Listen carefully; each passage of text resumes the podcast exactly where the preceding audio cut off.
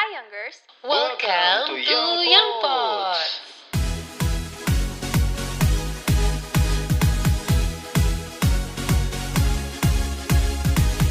Assalamualaikum warahmatullahi wabarakatuh. Selamat sore Young Pots. Dan kembali lagi kembali kita di Young Pots untuk episode ke-5 di sore ini dan pastinya masih bersama Rian ya. Nah, sebelum kita lanjut lagi nih eh, untuk Youngers, kita mungkin menyapa dulu. Young Pots, I'm into Young Gen. Nah, sekarang kita udah bersama eh, seseorang eh, pentolan band juga dan hari ini spesial banget Youngers karena kita mengundang salah satu band yang sudah tidak asing lagi dan pastinya berprestasi lah ya. Langsung aja kita sapa teman kita yang di samping ini ada Erik dari Exacta.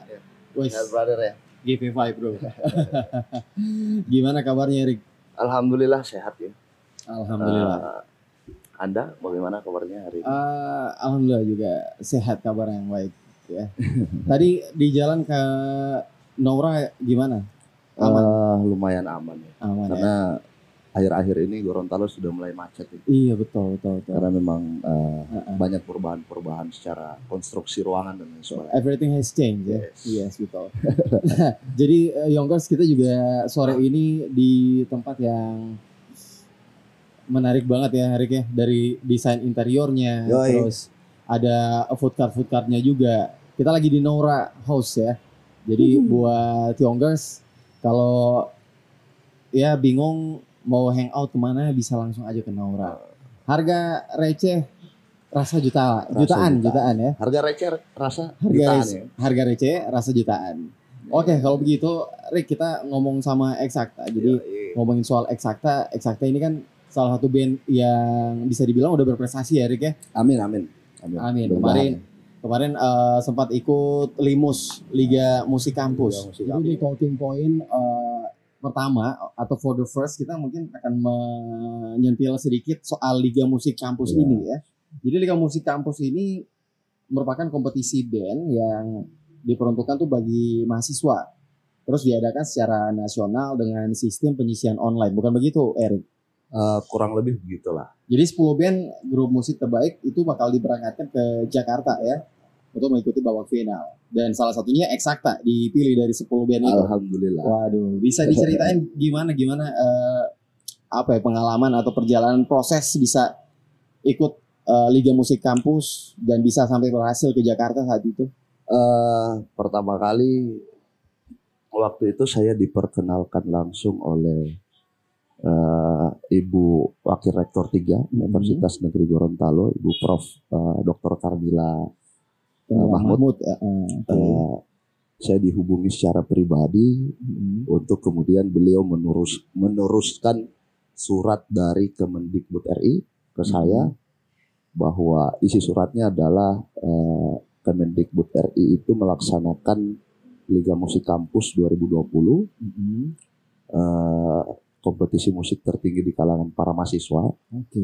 Eh, sehingga kemudian saya tertarik untuk ikut itu dan saya bilang ke beliau bahwa kami akan mewakili Universitas Negeri Gorontalo dan Provinsi Gorontalo Mm. untuk ikut di kompetisi ini gitu Eh, dan eh, alhamdulillah beliau support Mm. karena memang eh, tipikal beliau kan seperti itu kan Iya iya iya. Eh, sangat-sangat eh, elegan dengan para anak muda lah kira-kira ibu ibu Carmila Mahmud sehingga pada saat masih itu masih uh, punya jiwa muda ya. Iya, jadi iya. jadi apa-apa uh, yang menyangkut dengan kepemudaan beliau suka sangat suka sangat support ya. Ah, sangat-sangat support dengan Hmm, dengan itu. oke. Apalagi bicara tentang prestasi di kalangan para mahasiswa, Hmm. beliau sangat support. Nah, kemudian itu langsung Hmm. ikut uh, Terus? saya saya diskusikan dengan teman-teman yang lain. Oh iya ngomong-ngomong yang lain ke mana ini kan uh, di Nora kali ini hanya kedatangan Erik doang. Ini yang lain ke mana Erik? Lagi persiapan, lagi prepare lah. Oh iya. Bentar siap. nanti kita akan main di sini kan. Sebentar main ya. Iya, main di Oke siap. Untuk Kita tagih. lah. Kita tagih janji dari Erik Eksakta. Uh, lanjut lanjut. Ya, jadi saya diskusikan Hmm. dengan teman-teman yang lain untuk ikut di Liga Musik Kampus mewakili nama universitas, mewakili nama daerah. Eh, ada ada Didin di sana itu dari Hmm. Fakultas Teknik, ada eh, apa namanya onas di sana Hmm. dia dari Fakultas eh, Sastra dan Budaya gitu sentra Tasik gitu. Mhm. Eh, ada Amang itu satu jurusan dengan saya di akuntansi Fakultas Ekonomi Jadi Erik juga eh, kalau tadi kan bilang satu fakultas dengan Erik. Erik Ya. juga berarti akuntansi dong ya. akuntansi Oh, akuntansi ekonomi. Terus terus Nah, kemudian dengan Ainun Nisa Ah, Indonesia. eh, anak komunikasi Ah iya. iya. Jadi jadi di berbagai apa fakultas Ya, ya, yang karena memang wakil universitas Ah, saya tidak ingin iya. egois lah betul betul gitu betul. ya Oke. Jadi saya harus mewa- eh, memanggil teman-teman yang basicnya di setiap Mhm. fakultas masing-masing dan memang eh, mereka excited sekali untuk ikut di kompetisi itu. Mhm. Kita eh, setelah diskusi kemudian menentukan segmentasi musiknya untuk kita ikut di Liga Musik Kampus Nah, dan alhamdulillah eh, kami terpilih Terpilih ya. menjadi 10 Wow. besar Liga Musik Kampus dan finalnya itu di Jakarta Studio Hmm, Toha. Iya iya. Tapi gimana prosesnya saat itu, Rik? Maksudnya Eh, eh, ya nggak mungkin lah ya serta merta kalian kepilih ada langsung ke Jakarta ada gitu. sekitar Heeh. eh, 100 lebih eh, grup maupun band yang Hmm. mendaftar di Liga Musik Kampus di seluruh Indonesia seluruh Indonesia. Eh, dan kemudian eh, apa namanya mereka pastinya ada bukti-bukti bahwa Hmm. memang kita adalah bes- eh, apa namanya identitasnya sebagai seorang mahasiswa Hmm. secara administrasi dan lain sebagainya Nah, kemudian itu 100 seratusan lebih Hmm. dan mereka memilih mengumumkan di bulan November kalau nggak salah karena sempat ada penundaan kompetisi gara-gara COVID ya Oh iya iya. iya. sehingga ada diundur diundur Hmm. nanti diumumkan dan alhamdulillah kita terpilih. Berarti Liga Musik Kampus Liga Musik Kampus sendiri ini eh, berjalan Sambil di minum ya? boleh boleh. Oh iya, ini eh, minuman dari Bolo Bolo Youngers dan rasanya gimana, Rik? Enak pastinya ya. Enak enak pastinya ya. Iya dan ini juga di kemasannya ada hashtag yang lumayan apa ya menggelitik gitu. Ayo dukung UMKM lokal. Wih. Jadi kalau kalau kamu yang guys eh, apa namanya support dengan UMKM lokal ya wajib harus harus wajib harus, dibeli harus, lah ya. harus. Bolo-bolo hanya di Harus, Nora, harus. Nora House. Oke. iya iya. Terus terus Rik. Eh, iya, jadi eh, waktu kita diumumkan menjadi 10 besar itu Jadi Ya. ada ada 100 100, 100 band yang kita diumumkan. berpartisipasi. ah, Heeh. 100 lebih 160-an kalau nggak salah di Mhm. seluruh Indonesia Terus dari Sabang sampai Merauke eh, eh, apa namanya kita pada saat diumumkan kita terpilih hmm, teman-teman lain senang iya iya. senang Heeh. euforia dan lain Iya sebagainya iya. tapi ada satu kendala Apa tuh? kendalanya adalah Heeh. eh, bagaimana eh, kita berangkat ke sana Hmm. itu dengan mengkomposisikan musik yang kita hadirkan secara virtual dengan penampilan secara eh, langsung di depan juri gitu. Nah, itu adalah tantangan tersendiri Iya, iya. Jadi kayak challenge Sehingga, baru ya. eh, Saya, kita eh, latihan, latihan, latihan dan Betul, betul. sebagainya. Eh, dan eh, uniknya adalah Heeh. pada saat kita ada enam enam Enam personil. enam personil satu satu itu diminta langsung untuk mendampingi kita untuk berangkat ke sana Mm-mm. Eh, namanya Kareska Ah, Kareska iya. Prianto ya Ah, teman-teman dari ini juga Oh, iya, iya, kalangan UMB I see, TV I see. dan itu. udah nggak asing lah ya sama sama Reska ya. Iya. Ah, terus, Eh, kan ada rapid test itu kan mm-mm. si Reska eh, negatif reaktif no maksudnya. eh, reaktif reaktif, reaktif Ah, malamnya iya. eh, beliau reaktif Hmm. di- diinstruksikan oleh pihak kesehatan untuk istirahat total Heeh. dan besoknya pagi-pagi beliau langsung datang lagi untuk cek positif bro masih masih reaktif. langsung Oh, positif oh langsung bro. positif. langsung positif bro.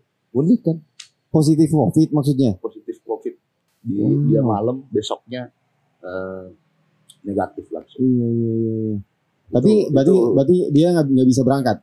tetap berangkat Tetap karena berangkat. besoknya dia tes lagi dia positif eh dia negatif Oh dia langsung negatif. negatif langsung Oke. berangkat pada saat itu kita Jadi, berangkat waktu itu ah, siang Oh siang. siang jam jam satu lah Hmm, iya iya. Berarti Gitu. eh, Liga Musik Kampus sendiri ini di, digelar di tengah pandemi Covid Di ya. teng- Dan di itu juga tengah. jadi jadi kayak challenging dari Iya. dari Eksakta sendiri. Ah, kita yang- tampil di sana Hmm. pun itu nggak ada sama sekali penonton Jadi Yang emang emang uh, virtual ya. virtual. Dan jurinya juga Jurinya eh, uh, berbatasan layar kaca aja yoi. atau atau langsung di di tempat pe- pegelaran di tempat pegelaran tapi Ah. dia agak jauh. oh agak Agak jauh. jauh dari- Jadi emang dari emang apa namanya? uh, pembatasan apa physical distancing ya. Yes. Uh, jadi mereka agak jauh menilai kalian gitu. Dan itu juga jadi tantangan Dik ya. Heeh, di tengah-tengah situasi seperti ini di mana kan biasanya festival-festival musik atau kompetisi kompetisi musik kan digelar tuh banyak uh, orangnya terus ada jurinya juga berdekatan kan. Nah, ini ini jadi beda sendiri Erik ya. Heeh, tapi tapi gimana pengalaman Erik dan kawan-kawan uh, pas di Jakarta kemarin? Banyak banyak banyak pengalaman. Eh, kita bukan hanya eh, di sana itu bukan hanya tentang kompetisinya, Mm-mm. tapi pelajaran-pelajaran eh, baru Mm-mm. bagaimana kita bisa sharing dengan teman-teman yang eh, 10 besar itu untuk bisa menampilkan yang terbaik di sana, Hmm. berbagi pengetahuan-pengetahuan musiknya, genre Betul. musik dan lain sebagainya, dan eh, tentunya eh, solidaritas antara kita sebagai mahasiswa untuk mewakili nama baik daerah masing-masing karena memang tujuannya Kemendikbud RI untuk melakukan ataupun melaksanakan kegiatan itu bukan Hmm. hanya tentang kompetisinya itu tadi Iya, iya. tapi bagaimana kita tetap eh, menjaga silaturahmi antara keda- kedaerahan Hmm. dengan dibalut eh, kompetisi musik seperti itu. Wah. Itu, Jadi itu luar- yang paling penting sih. Iya, iya. luar biasa banget ya Rick. Jadi dari 100 uh, 100 lebih band ya Yes. yang ikut yang dipilih 10 band termasuk Eksakta. Waduh, luar biasa. Oh ya Rick, ini juga kemarin uh, pas di Jakarta Eksakta sendiri bawain lagunya Yam Yamko Rambiamko. Yamko Rambiamko. Benar. Ya, Yamko Nah, Rambiamko. kenapa bisa memilih lagu itu untuk Eh, di aransemen Erik? Saya adalah partisipan daerah Papua. Wow. Saya tertarik dengan kebudayaan maupun eh, apa namanya adat-adat di sana. Hmm.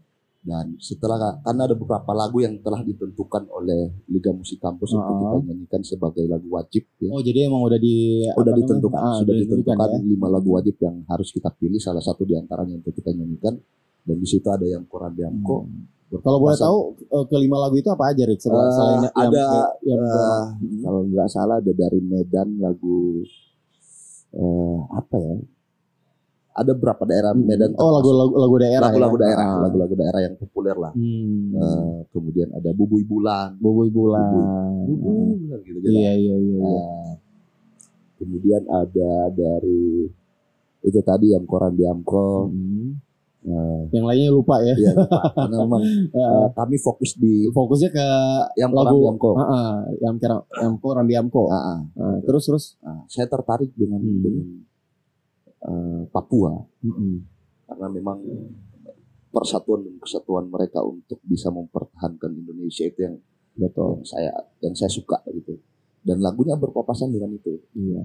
lagunya kan pesannya tentang eh, para pahlawan yang memang benar-benar berjuang pada masa waktu itu Iya. untuk bisa bersama menjaga eh, negara kita ini Betul Indonesia betul betul. sehingga lagu itu jadi ketertarikan kita tersendiri untuk mengaransemen uh. lagi Eh, karena setelah eh, kita terpilih langsung Hmm. tuh masing-masing eh, apa namanya mencari inspirasi inspirasi inspirasi Hmm, musiknya untuk kita aransemen bareng-bareng lagi ya.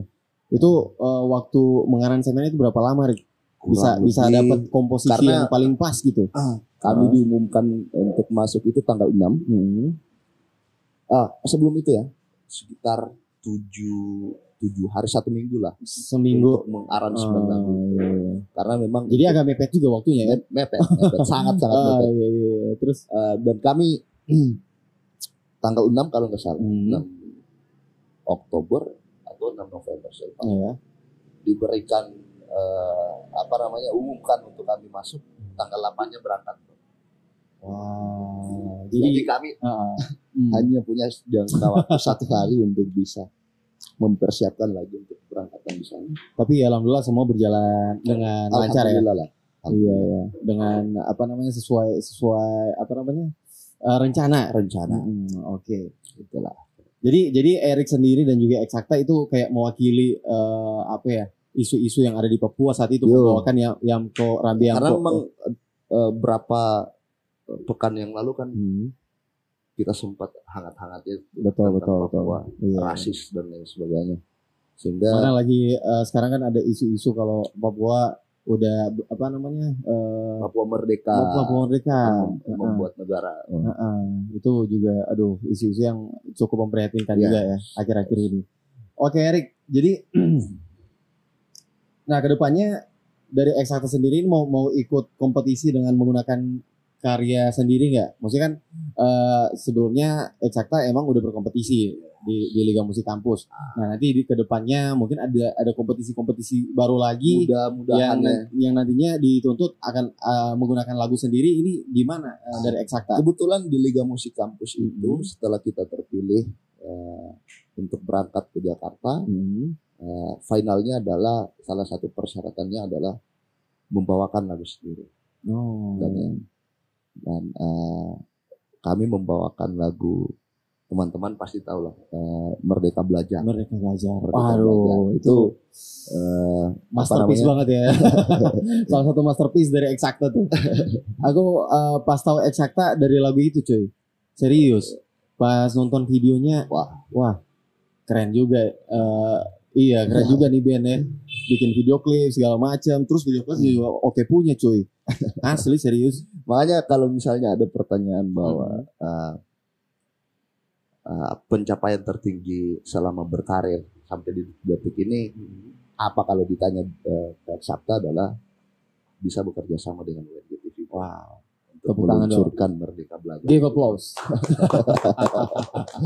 iya iya. Oh iya, se- sekedar bocoran juga Rick sebelum kamu eh, ngomong soal Merdeka Belajar. Ini karena ada research juga biar biar Iya, iya, kelihatan iya, iya, biar iya. kelihatan pintar eh, hostnya ya. Ya, memang pintar ya. enggak, enggak, enggak. Jadi ini katanya pada awal bulan September Erik ini dari vokalis dari band Eksakta menciptakan sebuah lagu yang berjudul tadi Merdeka Belajar. Belajar. Jadi emang emang benar diciptain pada bulan September waktu itu. Ah iya, Berarti belum lama dong ya? belum terlalu lama. Belum terlalu lama. Belum terlalu lama. gimana cerit ceritanya itu bisa bisa bisa apa namanya membuat satu karya yang luar biasa itu? Eh, itu hanya semacam diskusi kecil-kecilan antara saya dengan kebetulan itu tadi eh, Hmm. saya di Fakultas Ekonomi saya berdiskusi dengan eh, wakil dekan Fakultas Ekonomi Bapak Dr. Yomono Arfa waktu itu Eh, beliau menantang saya untuk eh, membuat eh, lagu yang bertemakan tentang Merdeka Belajar karena memang Hmm. Universitas Negeri Gorontalo waktu itu sedang eh, sibuk untuk eh, menerapkan kurikulum baru itu Iya iya. Merdeka Belajar. Atas diskusi itu saya diajak eh, untuk bertemu langsung dengan Ibu Prof. Ibu Pro. Carmila Ah iya iya. iya. Ibu, ini si Erik eh, mahasiswa Fakultas Ekonomi, Hmm. dia siap untuk membu eh, membuat lagu yang akan dijadikan sebagai soundtrack kurikulum eh, Merdeka Belajar. Wow. Saya berdiskusi banyak dengan Ibu waktu itu Hmm. dan alhamdulillah sekali lagi dia support Re- sangat sangat re- support. responnya luar biasa Responnya, banget ya. reaksinya Mm-mm. sangat luar biasa. Apalagi Hmm. kita kita bicara tentang karya para anak muda yang Hmm. langsung oke saya tunggu deadline-nya hari ini. Iya iya. Ini ini ini ini kita buat video klip begini begini. Wow. Jadi eh, Ibu eh, Carmila Mm-mm. itu sangat-sangat membantu perannya sangat membantu untuk mengarahkan bagaimana kita bisa membuat lagu Merdeka Belajar ini khususnya dari sisi video klipnya. Hmm. Jadi untuk saya mau uh-uh. jadi untuk proses kreatif dari lagu Merdeka Belajar ini juga nggak nggak apa Ya, tidak tidak, tidak lepas kita dari dari andil uh, seorang Prof Carmila Mahmud ya. Wow luar biasa. masukan, Uh-uh. arahan, kritikan bahkan. Iya iya. Tapi untuk yang nulis lagu itu sendiri Erik. Alhamdulillah saya. Erik sendiri. saya, iya. Wih. Tapi sebelum itu saya observasi bang. Uh-uh. Saya observasi karena memang eh, Merdeka Belajar itu Hmm. ada kuri- kurikulumnya tersendiri, ada buku dan lain Iya, sebagainya. jadi jadi soal mereka belajar ini ya Erik ya. Ini salah satu program baru dari Kemendikbud uh, Yes. Republik Indonesia Ah. yang dirancang sama Menteri Pendidikan dan juga Kebudayaan uh, Republik Indonesia di Kabinet Indonesia Maju. Oke. Jadi uh, Erik sendiri Pak Nadim ya. Oh Salam iya, hormat. Nadim ya. Salam hormat. Jadi Erik sendiri juga waktu itu research dulu ya. Ya, saya Ah. research Hmm. untuk bisa menentukan lirik yang layak untuk didengarkan ya. Wow. Bukan hanya tentang musiknya, tapi apa pesan yang kita ingin sampaikan Betul betul betul. Nah, Sehingga saya searching Merdeka Belajar ini apa sih? Hmm. Nah, saya baca, saya baca dan lain sebagainya. Saya minta tisu dong. Lumayan panas. Panas panas. Ya. Saya searching dan lain Ah, sebagainya. Terus, terus, terus. Eh, itu sekitar tiga atau empat hari saya saya membuat lirik itulah. Tiga empat hari buat lirik Iya. eh, Indonesia belajar. Merdeka Belajar. M- mereka belajar, oke. Yes. mereka belajar ya. Oh. Ingat, mereka belajar. terus, terus. Jadi Ya, saya- tiga empat hari doang, Tiga, empat hari. udah bisa bisa merampungkan Karena memang satu lirik lagu. eh, Heeh. ah saya itu bukan bulan bulan September. Bulan September itu jadi lagunya. Oh, jadi untuk eh, prosesnya Sebenarnya itu se- sebelum Agustus. Oh, iya. Sebenarnya kita akan launching itu pada 17 Agustus deadline-nya. Oh, iya, Cuman ada eh, pertimbangan lain ya. karena memang Universitas Negeri Gorontalo akan eh, berulang tahun sehingga rilisnya itu di bulan September Oh, jadi di ditunda ya, diundur ya. diundur. Heeh. Cuma memang Agustus itu memang sudah jadi, video Mhm. klipnya juga sudah ada dengan teman-teman Wow. TV waktu itu. Mm-mm. Cuman tanggal untuk menentukan rilisnya kapan itu tadi eh, opsinya adalah 17 Agustus Mm-mm. dan eh, karena berpapasan dengan eh, hari ulang tahunnya universitas sehingga saran daripada Ibu Prof Mm-mm. itu eh, dirilis pada tanggal 1 ya kalau nggak salah ya disnatalisnya UNG tanggal 1 Tanggal satu. 1 2 Iya. saya lupa kita launching di situ Hmm.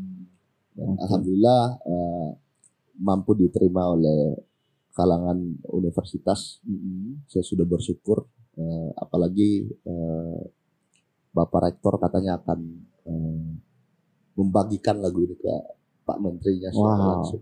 Itu Secara langsung sudah, di- sudah lebih, diperdengarkan ya. Iya. sudah lebih dari Udah lebih dari cukup ya Rick ya. Heeh, Oke. Nah tapi eh, Rick so far sejauh ini eh, Erik dan juga Exacta me- meng-create satu lagu mereka belajar ya. Yang ini juga ya kita tahu bersama pencipt apa mem- membuat lagu ini juga punya misi budi luhur ya, Iya, ya, untuk memajukan pendidikan di Indonesia. Pendidikan di Indonesia. Nah tapi so far Erik melihat kurikulum pendidikan di Indonesia sejauh sejauh ini gimana, Erik? Eh, di, di mana kita kita bisa melihat masih banyak di pelosok-pelosok negeri itu yang yang eh, apa namanya belum bisa mendapatkan pendidikan secara layak. Nah, Erik Erik sebagai yang menciptakan lagu mereka belajar, apakah semua orang sudah merdeka dalam belajar? Nah. ini pertanyaan yang sangat kritis. Wah, wah. Cuma begini. eh, Tapi menarik aja, Erik. ya. Ini ini menarik untuk untuk kita bahas. Ya mungkin Eh, mungkin jadi jadi eh bisa jadi tamparan buat orang yang nonton gitu. ya kita nggak tahu ya. Ah, gimana, Erik? ya kalau peralihannya ya dari kurikulum sebelum Merdeka Belajar Hmm. itu eh, sangat-sangat eh, berdampak di, di di ranah pendidikan. Hmm. Eh, cuma menariknya adalah saya melihat di kurikulum Merdeka Belajar ini eh, memberikan eh, kebebasan terhadap eh, setiap anak muda maupun para pelajar-pelajar, mahasiswa dan lain sebagainya untuk bisa berpikir menentukan apa yang dia mau. Nah, saya, saya, baca itu, Iya, di iya. buku itu. Dan itu kan sebenarnya keresahan kita Hmm. dari du- betul, dari dari dulu Hmm. bahwa bukan untuk eh, tidak mau diatur Hmm. dalam menentukan karir ke depan Heeh. Eh, tapi dengan adanya Merdeka Belajar itu eh, kita bisa mengekspresikan lebih luas lagi Hmm. apa yang kita inginkan sesuai dengan basic kita masing-masing. Karena di Merdeka Belajar juga dijelaskan bagaimana kita bisa eh, kuliah di luar jurusan Hmm, ya ya. kita. Hmm, Kalau nggak salah ada di semester 5 atau semester 6 hmm, itu akan diberlakukan setelah kita kuliah di jurusan Hmm. kita masing-masing semester 5 itu kita akan diberikan waktu untuk bisa belajar yang lain di sayang banget ya, sayang banget udah udah jadi alumni ya. iya iya. diberikan waktu Ah. untuk bisa belajar Mengeksplor, mengeksplor Dan bidang kita- lain itu ya. kita sendiri yang tentukan apa yang kita inginkan Mantap, jadi mantap. meskipun saya belajar tentang akuntansi tapi nanti di semester 5 atau Hmm. semester saya lupa semester berapa Hmm, itu kita akan pilih yang sesuai apa yang kita suka Oke. itu yang itu yang itu yang, Betul, betul. eh, saya saya tertarik dengan merdeka belajar ini kebebasan berpikir lah kalau Iya. versinya saya Hmm. Nah, untuk orang-orang yang eh, ya memang eh, keterbatasan dari dari pendidikan selama ini kan itu menjangkau orang-orang yang memang sangat-sangat jauh dari Hmm. dari pemukiman lah ya Iya. untuk bisa belajar lebih luas lagi, lebih jauh lagi. Sehingga eh, kalau menurut saya harus tetap diperhatikan di di situ harus tetap diperhatikan untuk bisa menyebarluaskan lagi sumber daya manusia, guru-guru dan lain sebagainya untuk masuk ke pelosok Betul, betul. memberikan pelajaran. Dan sekarang UNG eh, sa- dari dari dulu Iya. sampai sekarang juga menerapkan Iya. gitu ya. Heeh. UNG kalau nggak salah hari ini kan memperhatikan pedesaan, Nah, masuk iya masuk iya. ke desa-desa. KKS juga kan itu KKS. bisa jadi program untuk masyarakat eh, Ya. di s- apa namanya? di desa ya. Heeh. Slogannya Rektor juga kalau nggak salah itu, Apa tuh? eh, me- merdekakan sumber daya manusia yang ada di desa-desa. Wow. Sayang aja, aku belum ketemu Pak Rektor nih. Semoga dengan ini Pak Rektor ya. Siapa tahu di sini eh, bisa ketemuan Pak Rektor. Waduh. Sama Erik juga, Erik dari Eksakta ya, Erik ya. Amin, amin. Amin. Dan semoga Erik eh, apa ya? Semoga apa yang kita cita-citakan gitu eh, dari apa ya dari segi pendidikan tadi tujuannya ini semoga bisa bisa efektif Amin ya, amin ya. dan bisa berjalan eh, sesuai dengan semestinya gitu Rick. Oke Rick, eh, ini juga apakah kamu dari dari Eksakta dan Erik sendiri ini apa pernah terpikir buat menciptakan lagu-lagu yang menginspirasi berdasarkan berdasarkan isu yang beredar di Indonesia? Eh, Alhamdulillah, eh, cuma memang saya belum rilis. Belum Saya rilis? ya, saya su- saya sudah eh, kebiasaan saya adalah eh, menyimpan lagu-lagu yang saya buat Hmm, untuk di didengarkan dulu di orang-orang iya, lain. iya. Ini layak nggak untuk dipublish dan sebagainya. Betul. Apalagi kan sekarang nih, Rick, eh, sekarang tuh banyak isu-isu eh, mental, iya Yes. sih? Lagu-lagu yang apa ya? Yang ceritanya tuh mindfulness banget. Ya sekarang lagi lagi kayak lagi hype-hype-nya begitu kan? Iya nggak sih? La- Lagu-lagu yang begitu tuh naik-naiknya, iya nggak sih? Yang yang ngomongin soal mental. Iya. Nah, Erik sendiri eh, sempat kepikiran nggak sih buat buat Ah, alham- alhamdulillah mm. kita sudah punya lagu-lagu yang eh, istilahnya dari menganalisa sosial ya. hmm, Saya punya lagu yang judulnya hoax. hoax?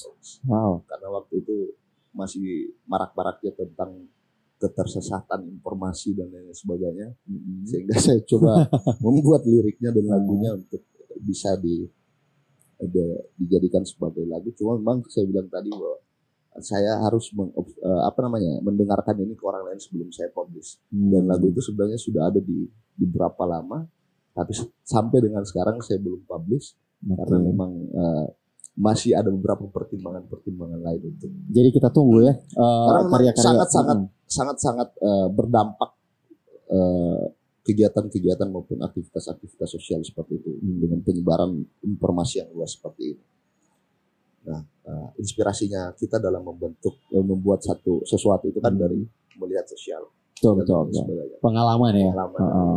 Cuma memang eh, apa namanya harus harus didalami dulu Hmm. sebelum kita kita rilis maupun Oh iya, iya. kita publikasikan. Jadi emang harus benar-benar di apa ya dicermati Yes. ya. Di dicari tahu lebih lebih supaya lebih kena Wih. objeknya. betul betul. betul. kita tunggu ya karya-karya selanjutnya dari Eksakta. amin, Pak. Setelah mereka belajar eh, selanjutnya nanti ke depan bisa menciptakan eh, karya-karya terbaik Ya, apa nanti, lagi gitu nanti ya. juga kita akan Heeh. nyanyikan Oh iya betul. Nanti akan akan main di sini akan ya. main Heeh, lagu-lagu baru pastinya ya. Ya kita kita taginya lagu baru harus. Iya, ya Rik Udah. iya. Oke. Biar nanti yang di apa namanya terpublish lebih dulu tuh di ONG TV di Young Post ya nggak sih? Ya, so, oke. Nah kalau tadi kan kita ini ngobrol apa eh, nanya-nanya soal personalnya Erik nih. Di sini ini lebih personal. Nah Ya. kalau ini ini lebih luas lagi Rik oke. Lebih eksaktanya Nah, jadi kalau band eksakta ini juga kan eh, sesuai informasi dibentuk pada awal tahun 2020 dan terdiri dari beberapa mahasiswa dan juga alumni UNG. Emang ben- benar begitu? Iya, jadi, Jadi- kita itu ada pertama kali kami eh, merencanakan untuk membuat band ini sebelum tahun eh, 2020 ya. Mm-mm. Eh, ada teman saya, cuma beliau sampai dengan sekarang belum selesai di teknik. Dan eh, ada juga senior saya eh, alumni teknik 2009, Mm-mm. eh, Kak Rahmat, eh, panggilan akrabnya Kanox lah. Ah, Saya udah alumni ya. Udah alumni Hmm. udah. Terus Saya banyak berdiskusi musik tentang ya bersama beliau maksudnya. hmm. Juga ada beberapa teman-teman lain eh, satu fakultas dengan saya, Hmm. ada Alam, ada Ilham juga, ada Amang, ada Marcel Ismail. Nah, orang-orang ini yang selalu eh, eh, berdiskusi bagaimana kita bisa membuat salah satu grup musik eh, eh, di Gorontalo Iya, khususnya supaya memang benar-benar kita eh, berkarya semuanya Hmm. kita. Jadi memang personil personil eksakta sendiri ini eh, latar belakang studinya di UNG. UNG. Tapi eh, disiplin ilmunya beda-beda. Ada yang dari teknik, Iya. ada yang dari akuntansi. Iya. Nah, tapi eh, udah banyak pergantian formasi eh, dari personil eksakta sendiri. Ah, justru Mm-mm. eh, saya ingin membangun salah satu stigma Mm-mm. bahwa eksakta itu jangan diperhatikan melalui personil-personilnya Oke. karena suatu saat itu akan berubah. Tapi mari perhatikan eksakta dengan eh, musik-musik yang dihadirkan. Hmm, gimana tuh gimana? Ada ada pesan kayaknya ada pesan Eh, pesan Karena selama ini selama ini Uh-uh. kalau eh, saya Uh-uh. ataupun teman-teman lain melihat band maupun grup musik yang Hmm. hadir di Belantika Musik Indonesia Mm-mm. itu lebih di- didominasi membahas tentang person masing-masing Hmm. Nah, dan eh, keinginan saya untuk eh, ke arah sana itu eh, tidak begitulah. Jadi ini mungkin Artinya kalau memang Hmm. kita bicara tentang musik ya bahas grup-grup musiknya maupun Hmm. musik yang dihadirkan, bukan Oke. personal masing-masing. Sehingga yang saya tanamkan pada saat teman-teman eksakta untuk bisa menentukan uh, band di awal tahun 2010, mari buang jauh-jauh Mm-mm. untuk bisa uh, memperkenalkan ataupun eksis secara Hmm. personal uh, di eksakta Hmm. tapi mari kita bangkitkan untuk bisa memberikan kontribusi musik dengan kualitas musik yang kita punya di Eksakta sehingga orang mampu menilai kualitas musiknya bukan karena oh si Erik Hmm. Bukan itu dong Oh gitu. harus Siap. Jadi ini mungkin uh, lebih ke filosofi eksaktanya Yes, sendiri ya, yes, Erik ya. yes. Nanti bakal kita bahas ke situ, tapi sebelumnya ini Youngers kita juga punya fun fact dari Eksakta ya. Ini Erik uh, vokalis band Eksakta awalnya mempunyai band bernama Accounting Brother. Accounting Brother. Yes. Nah, Itu- jadi Erik juga pernah membuat lagu untuk program studi akuntansi dan ada juga anggota Eksakta yang berasal dari luar uh, fakultas akuntansi tadi. ya, Eh, uh, jurusan akuntansi ya. salah satu Uh-uh. uh, teman saya ya, itu dua kali uh, satu kali ganti jurusan bang Hmm. itu pertama eh, dia kuliah di akuntansi 2012 Mm-mm. kemudian di tahun 2015 dia eh, beliau pindah ke sentra Tasik Iya, nah iya. accounting brother itu Uh-uh. dari situ Oh, dia dia yang gitu. pertama kali eh, mengajak teman-teman Uh-uh. untuk bisa eh, bermain Mm-mm. dan karena kita basicnya adalah mahasiswa akuntansi Mm-mm. sehingga namanya adalah accounting brother Accounting Brother. Eh, awalnya dari situ Mm-mm. sehingga eh, eh, pada saat kita akan eh, eh, bersama-sama lagi eh, di Eksakta Mm-mm. itu berdiskusi lagi dengan beliau bagaimana ini bang kita harus gimana timbullah Eksakta itu Oke. Nah, dari situ dari situ dari sering kita main-main di di eh, Accounting Brother di Jadi, beberapa event Uh-uh. Jadi Gitu-gitu assemble, lah. po- assemble point dari Eksakta ini berawal dari Accounting Brother Accounting. Brothers. Jadi lahirnya Eksakta tuh nggak nggak apa nggak lari dari situ ya. yes Jadi berawal dari jurusan band Uh, jurusan membuat kelompok anggota-anggotanya tuh jurusan yang sama di akuntansi terus bikin accounting brother nah dari situ berjalan berjalan seiring Ya. waktu jadilah eksakta sekarang Iya, iya, wow gitulah. siap siap kira gambaran gambaran besarnya seperti itu nah Erik eh, ini Erik sendiri gimana kalau apa namanya melihat musik Maksudnya eh, musik dalam kehidupan Erik seperti apa sih? Eh, musik itu kalau menurut saya adalah bagian eh, dari interaksi kita dengan Tuhan. Wow. Se sefilosofi itu. Filosofi itu. Ah, iya. Karena eh, Gimana tuh? Ah, ah. hukum ketertarikan, artinya apa yang kita sampaikan ah. itu pasti akan diseleksi oleh lingkungan, alam, Oh. Dan ada peran Tuhan di situ. Iya, iya. Gitu. Kalau menurut saya seperti itu, Iya, iya, iya. baik itu lirik, Mm-mm. penentuan nadanya, dan eh, sehingga dia mampu menjadi sebuah lagu, Mm-mm. itu adalah bagian dari sentuhan Tuhan tuh. Wow. Jadi ke- keterkaitan, keterikatan Tuhan. ya? Iya. Wih. Gila. Noah itu, Noah itu. Saya juga sahabat Noah, Bang. iya, iya, iya, iya, iya. Saya aku, pernah- aku baca eh, salah satu artikel dari Noah yang mereka tuh mau bikin konser virtual yang Oh, tajuknya keterkaitan, keterikatan. Keterikatan. Iya nggak sih? Iya, Ya, iya, iya. Tapi emang eh, musik bagi Erik sendiri sedalam itu, ya? sedalam itu, Bang. Wow, Karena memang eh, kita kan dari sononya. betul, betul, betul. Tapi Erik kalau kalau lagi bikin lagu kan nggak berdoa dulu atau gimana? Jadi sebelum nulis lagu doa dulu. Kita kan punya cara Ah, masing-masing iya, untuk iya, iya. mendekatkan diri dengan Sang Maha Pencipta kan. Right. Jalurnya kan berbeda. Iya, iya, Tapi iya. kita suatu saat kita akan berkumpul di tempat yang sama kan. Nah, itu itu Heeh. eh, cuma memang perkembangan musik kalau ditanya perkembangan musik di Gorontalo ya Hmm. eh, Oh iya, oke. Ini kita kita ngomongin soal perkembangan musik Iya. di Gorontalo. di Gorontalo Heeh. Ah, kualitasnya jauh lebih jauh lebih hebat ya. Mm-mm. artinya banyak eh, apa namanya Perubahan. perubahan banyak juga yang muncul-muncul untuk bisa eh, berkontribusi di di musik Indonesia maupun musik lokalnya kita di Gorontalo nah, itu merupakan eh, signal Mm-mm. bahwa sebenarnya perkembangan musik di Gorontalo itu sudah lumayan ataupun sangat-sangat bagus ya Mm. baik ya Iya. Eh, cuma memang eh, kita harus banyak eh, para musisi khususnya di Gorontalo itu harus banyak berinteraksi supaya bisa membagi ilmu satu sama lain ya. Hmm. itu Ma- itu yang yang yang yang masih kurang Betul. Tapi kalau dari Erik sendiri melihat eh, industri musik di Gorontalo sendiri ini udah udah mulai pesat ya Iya, perkembangannya. sangat sangat sangat sangat pesat. Udah- Udah rame juga. Rame. Tapi eh, sayangnya pandemi ini ya kayak apa yang Tapi, membuat eh, karena perkembangan musik sekarang jadi jadi hiatus.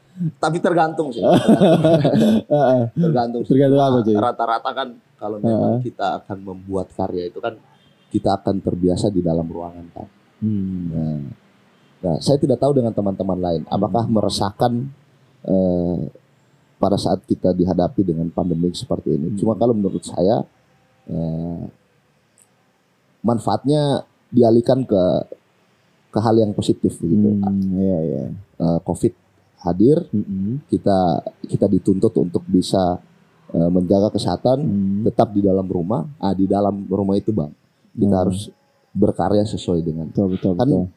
Itu kan. Kita Jadi selalu ah, ah, jangan, jangan salah ya, pandemi seperti ini para musisi jadi lebih, lebih Iya, iya, produktif. iya. Iya nggak sih?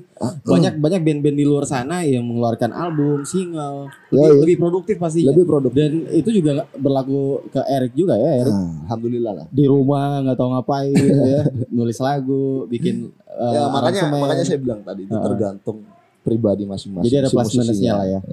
Nah, cuman yang yang ini, apa namanya? Di sisi lain juga kan ada eh, para musisi-musisi yang main di kafe-kafe Hmm, gitu-gitu kan. Dengan adanya pandemi ini kan eh, mereka jadi jarang main Hmm. di event maupun di warkop, kafe, rumah makan dan lain Job-job sebagainya mulai kan. kurang. Mulai kurang. Nah, itu nah, lebih lebih eh, maksudnya problemnya lebih ke ke situ sih. Hmm, iya. Makanya kalau misalnya kita terbiasa untuk eh, membuat satu karya di dalam ruangan Mm-mm. itu lebih lebih inilah lebih tidak terlalu memikirkan tentang oh ini covid gini gini Hmm, gini. iya, iya, iya. Nah, cuman kasihan Jadi, juga uh-uh. kasihan juga para musisi yang Betul, yang main di di kafe di rumah Hmm. makan. Eh, makanya salah satu solidaritas kita para musisi itu eh, untuk eh, apa namanya untuk eh, semacam eh, apa ya Support lah. support Support, antara kita antara musisi ya. antara musisi Hmm. adalah bagaimana saling berkomunikasi pada saat eh, tidak lagi sedang bermain di di kafe-kafe seperti itu Oke. Nah, sebelum kita eh, tanya soal filosofi nama dari Eksakta dan Hmm. juga apalah arti sebuah nama Eksakta, ini eh, apa namanya? Erik sendiri kalau bikin lagu ini lebih suka sendiri ya berarti ya.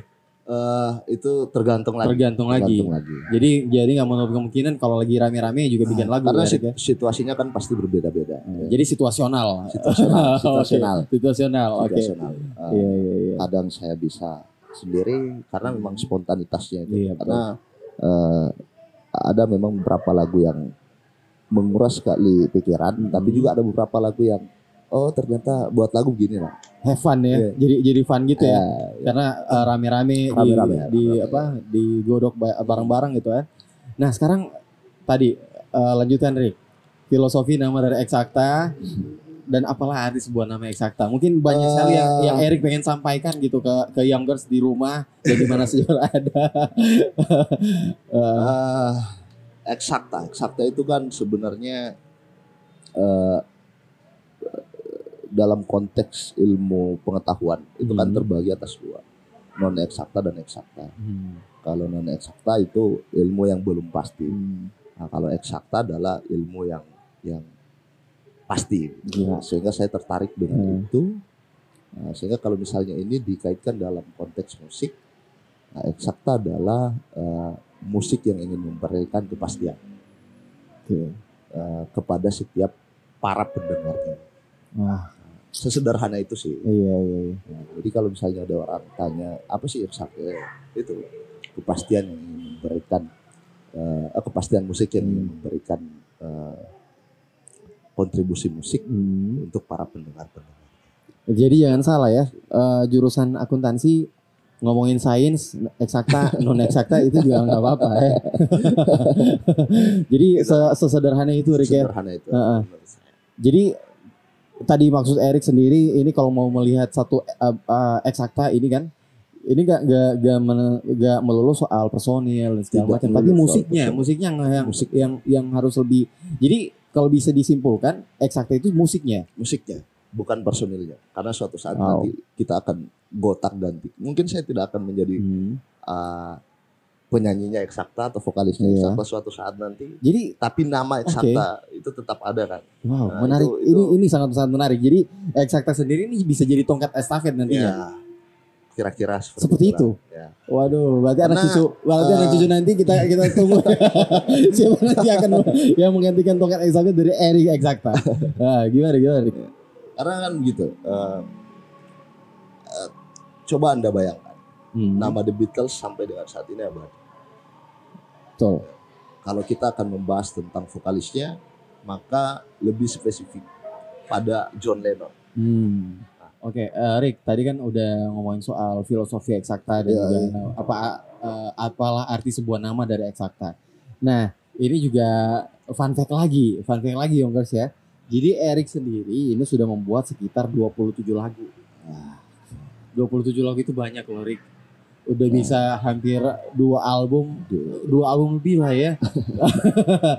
jadi, eh, jadi beberapa lagu yang dibuat ini untuk dinyanyikan orang lain dibuat untuk kampanye, untuk kampus dan juga untuk band Eksakta sendiri. Oke. Nah itu bisa diceritain gimana Rik? Eh, apa namanya? Saya sebenarnya sangat bersyukur karena diberikan kemampuan untuk eh, spontanitasnya itu dalam membuat lagu. Eh, cuma memang di 27 lagu itu eh, lagu-lagu yang menurut saya Hmm. adalah eh, semacam eh, apa ya karunia ya Hmm. karu karunia lah yang diberikan oleh sang pencipta Wow.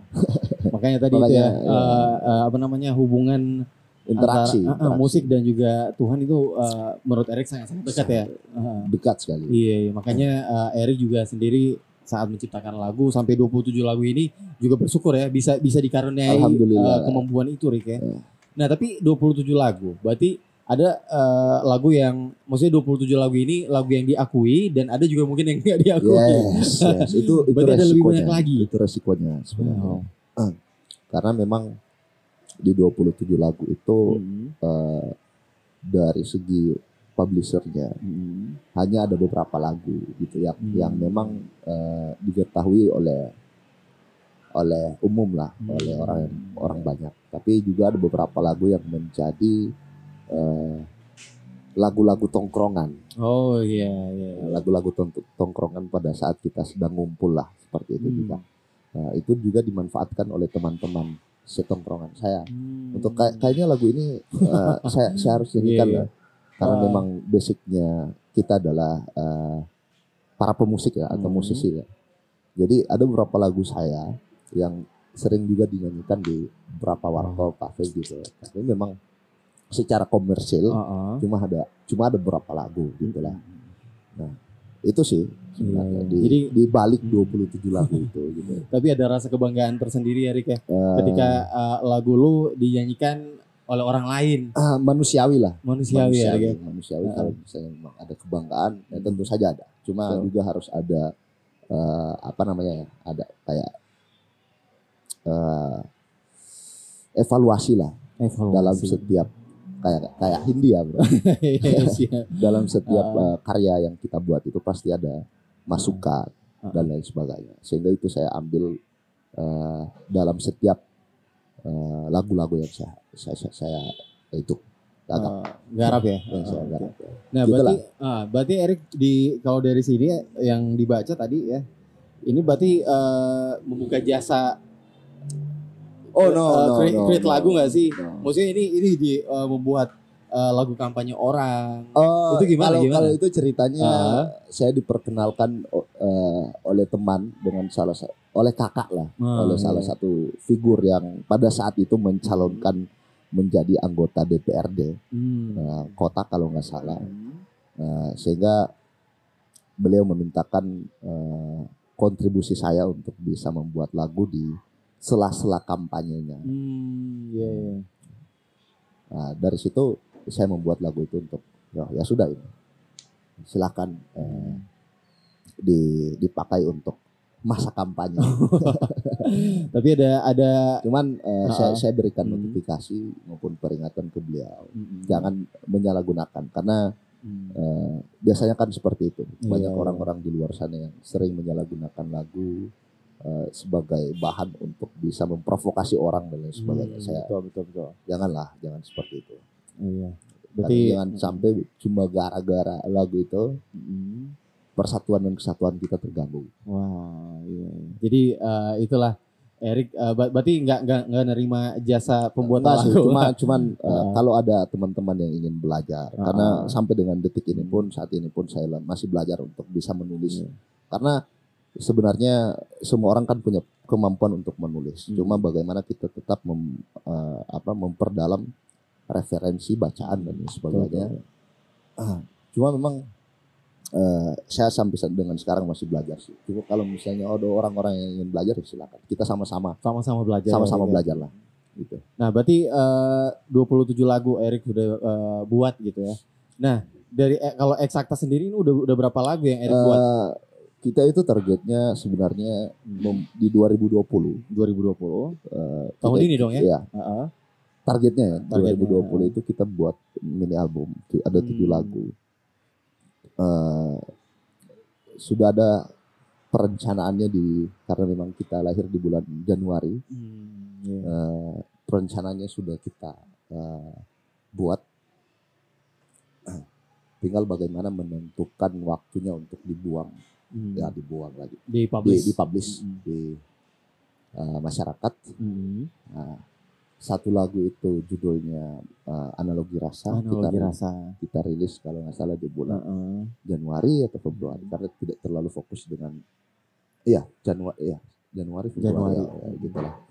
Nah, eh, lagu keduanya itu kita rilis di bulan satu bulan setelah eh, lagu Analogi Rasa li- rilis. Mm-mm. Nah, setelah itu Hmm. kita akan eh, apa rilis lagi lagu ketiga. Cuma memang eh, terlebih dahulu COVID-19. Iya iya iya. Ah, karena memang lagu-lagu Hmm. ada tujuh lagu, empat empat lagu, eh, lima lagu lainnya itu tinggal eh, mele- menyelesaikan proses eh, mixing maupun masteringnya kalau di, Oh di gitu. perekaman, Iya iya iya. di iya. recording Heeh. eh, akhir lah, akhir Hmm, daripada tinggal finalisasi aja. finalisasi Heeh. aja. Oke. Orang yang kami percayakan di bagian situ di Mm-mm. mixing maupun mastering itu Mm-mm. itu sangat-sangat terkena dampak COVID-nya. Wah.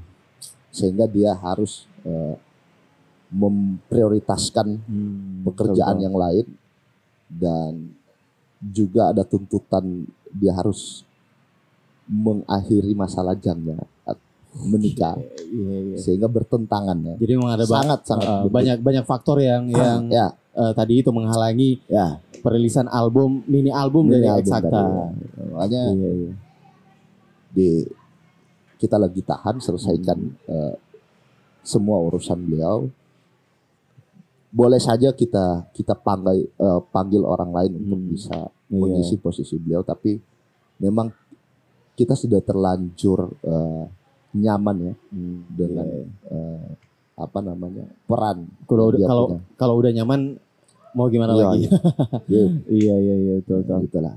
setelah Oke. itu ya silakan selesaikan lah Oke. targetnya bulan September kemarin sudah ya kita Kalau begitu nanti eh, kita doain sama-sama ya Youngers ya.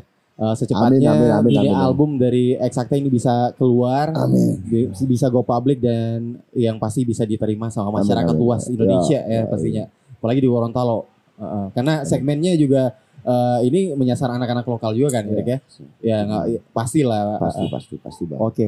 Nah, eh, ini Exacta tadi kan udah mau bikin eh, album. Ya. Nanti eh, mungkin rencana awal 2020 ini eh, akan ketunda lagi mungkin di tahun depan ya, Rik. ya? awal awal tahun Awal tahun Awal nanti. tahun 2021 lah Oke.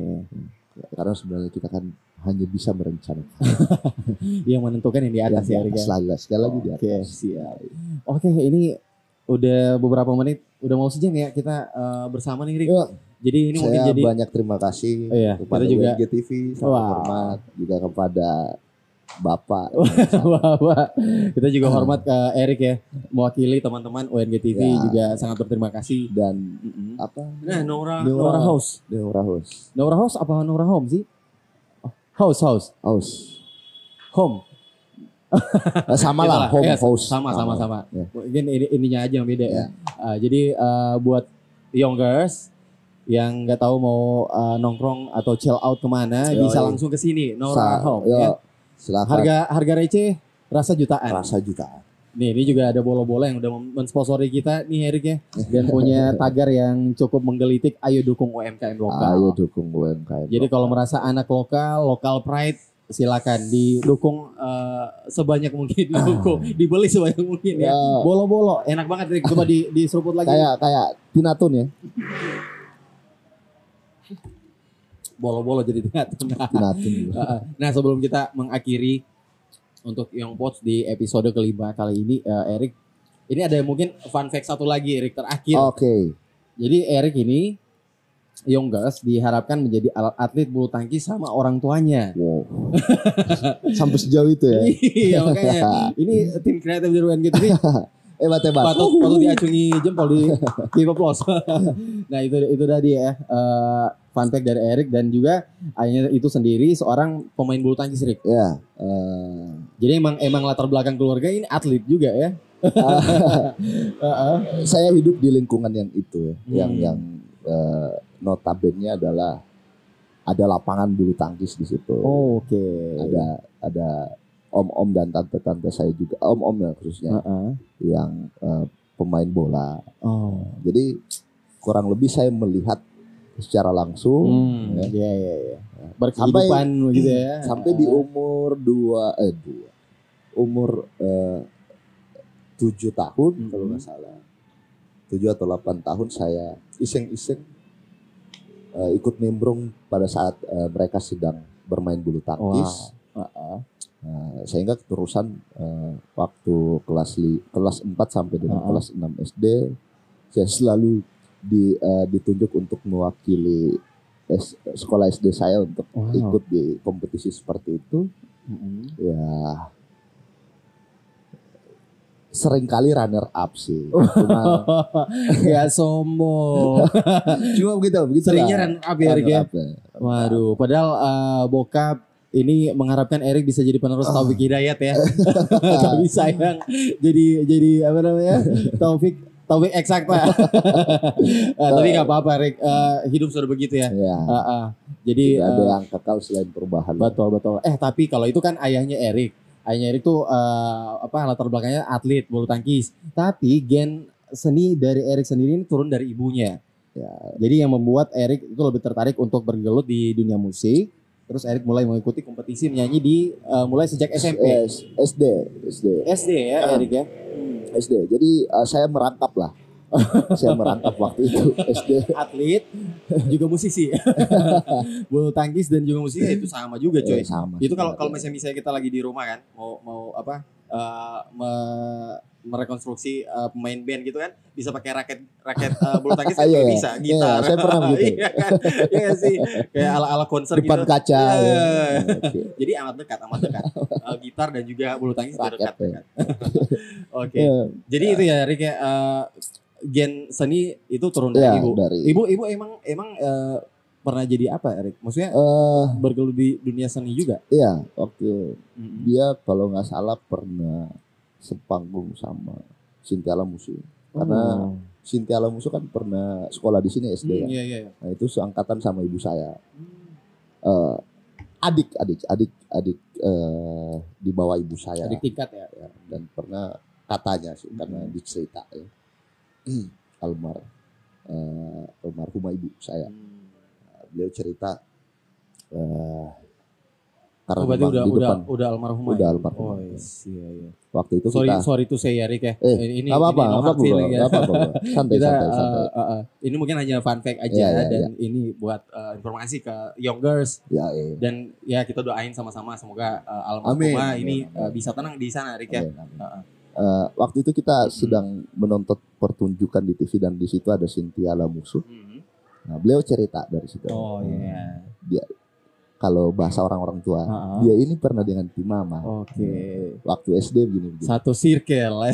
Kalau orang sini bilang satu circle. ya Nah, eh, Erik, ini mungkin eh, apa namanya terakhir ya untuk youngers yang mau apa ya mendengar karya-karya dari Exacta ini bisa ke mana, Rik? Eh, ke YouTube ke YouTube juga ada di Spotify Spotify. platform musik juga sudah ada di iTunes juga sudah ada untuk saat ini itu sih Oke. Eh, Nah, kalau kalau mau cari tahu eh, apa perkembangan dari Exacta di dan juga notifikasi-notifikasi Ya. bisa ke sosial media di mana? sosial media di Instagram kita Instagram. ada eksakta At Exacta at eksakta underscore nggak ada. underscore bawah Oke, jadi Exacta, akhirnya underscore ya jadi at Exacta underscore. Jadi Ya. buat kamu youngers yang pengen tahu eh, Exacta melalui sosial media ini bisa langsung ke. Instagramnya Oke. di @exacta underscore. Ah. Oke Rick, kalau begitu sudah selesai. terima kasih Kita- banyak sudah mengundang ya Terima kasih. mudah-mudahan kita Erik. jumpa lagi Sukses terus untuk amin dan juga sukses juga kawan-kawan. buat eh, buat sama. Sa- salam buat teman-teman yang lain ya. ya pasti Nanti ini setelah kan ini mereka datang lagi Iya betul. Setelah ini kan nanti akan ada perform dari Exacta. Nanti akan bakal bawain lagu apa Rick? Eh, tunggu aja lah Oh tunggu aja Tunggu ya aja. biar biar makin penasaran ya. Oke kalau begitu Youngers terima kasih banyak ya untuk kalian yang sudah uh, menonton episode kali ini untuk uh, Young Poach di episode kelima bersama Eric Exacta. Kalau begitu uh, Rian juga pamit dan sebelumnya kita mau berterima kasih kepada uh, Nora Home atau Nora House yang sudah menyediakan playground ke kita untuk bisa uh, mengadakan Young Poach dan apa ngobrol-ngobrol bersama Eric. Exacta. Terima kasih Eric sekali Yoi. lagi Eric ya Yoi, sukses buat. Exacta dan juga Eric.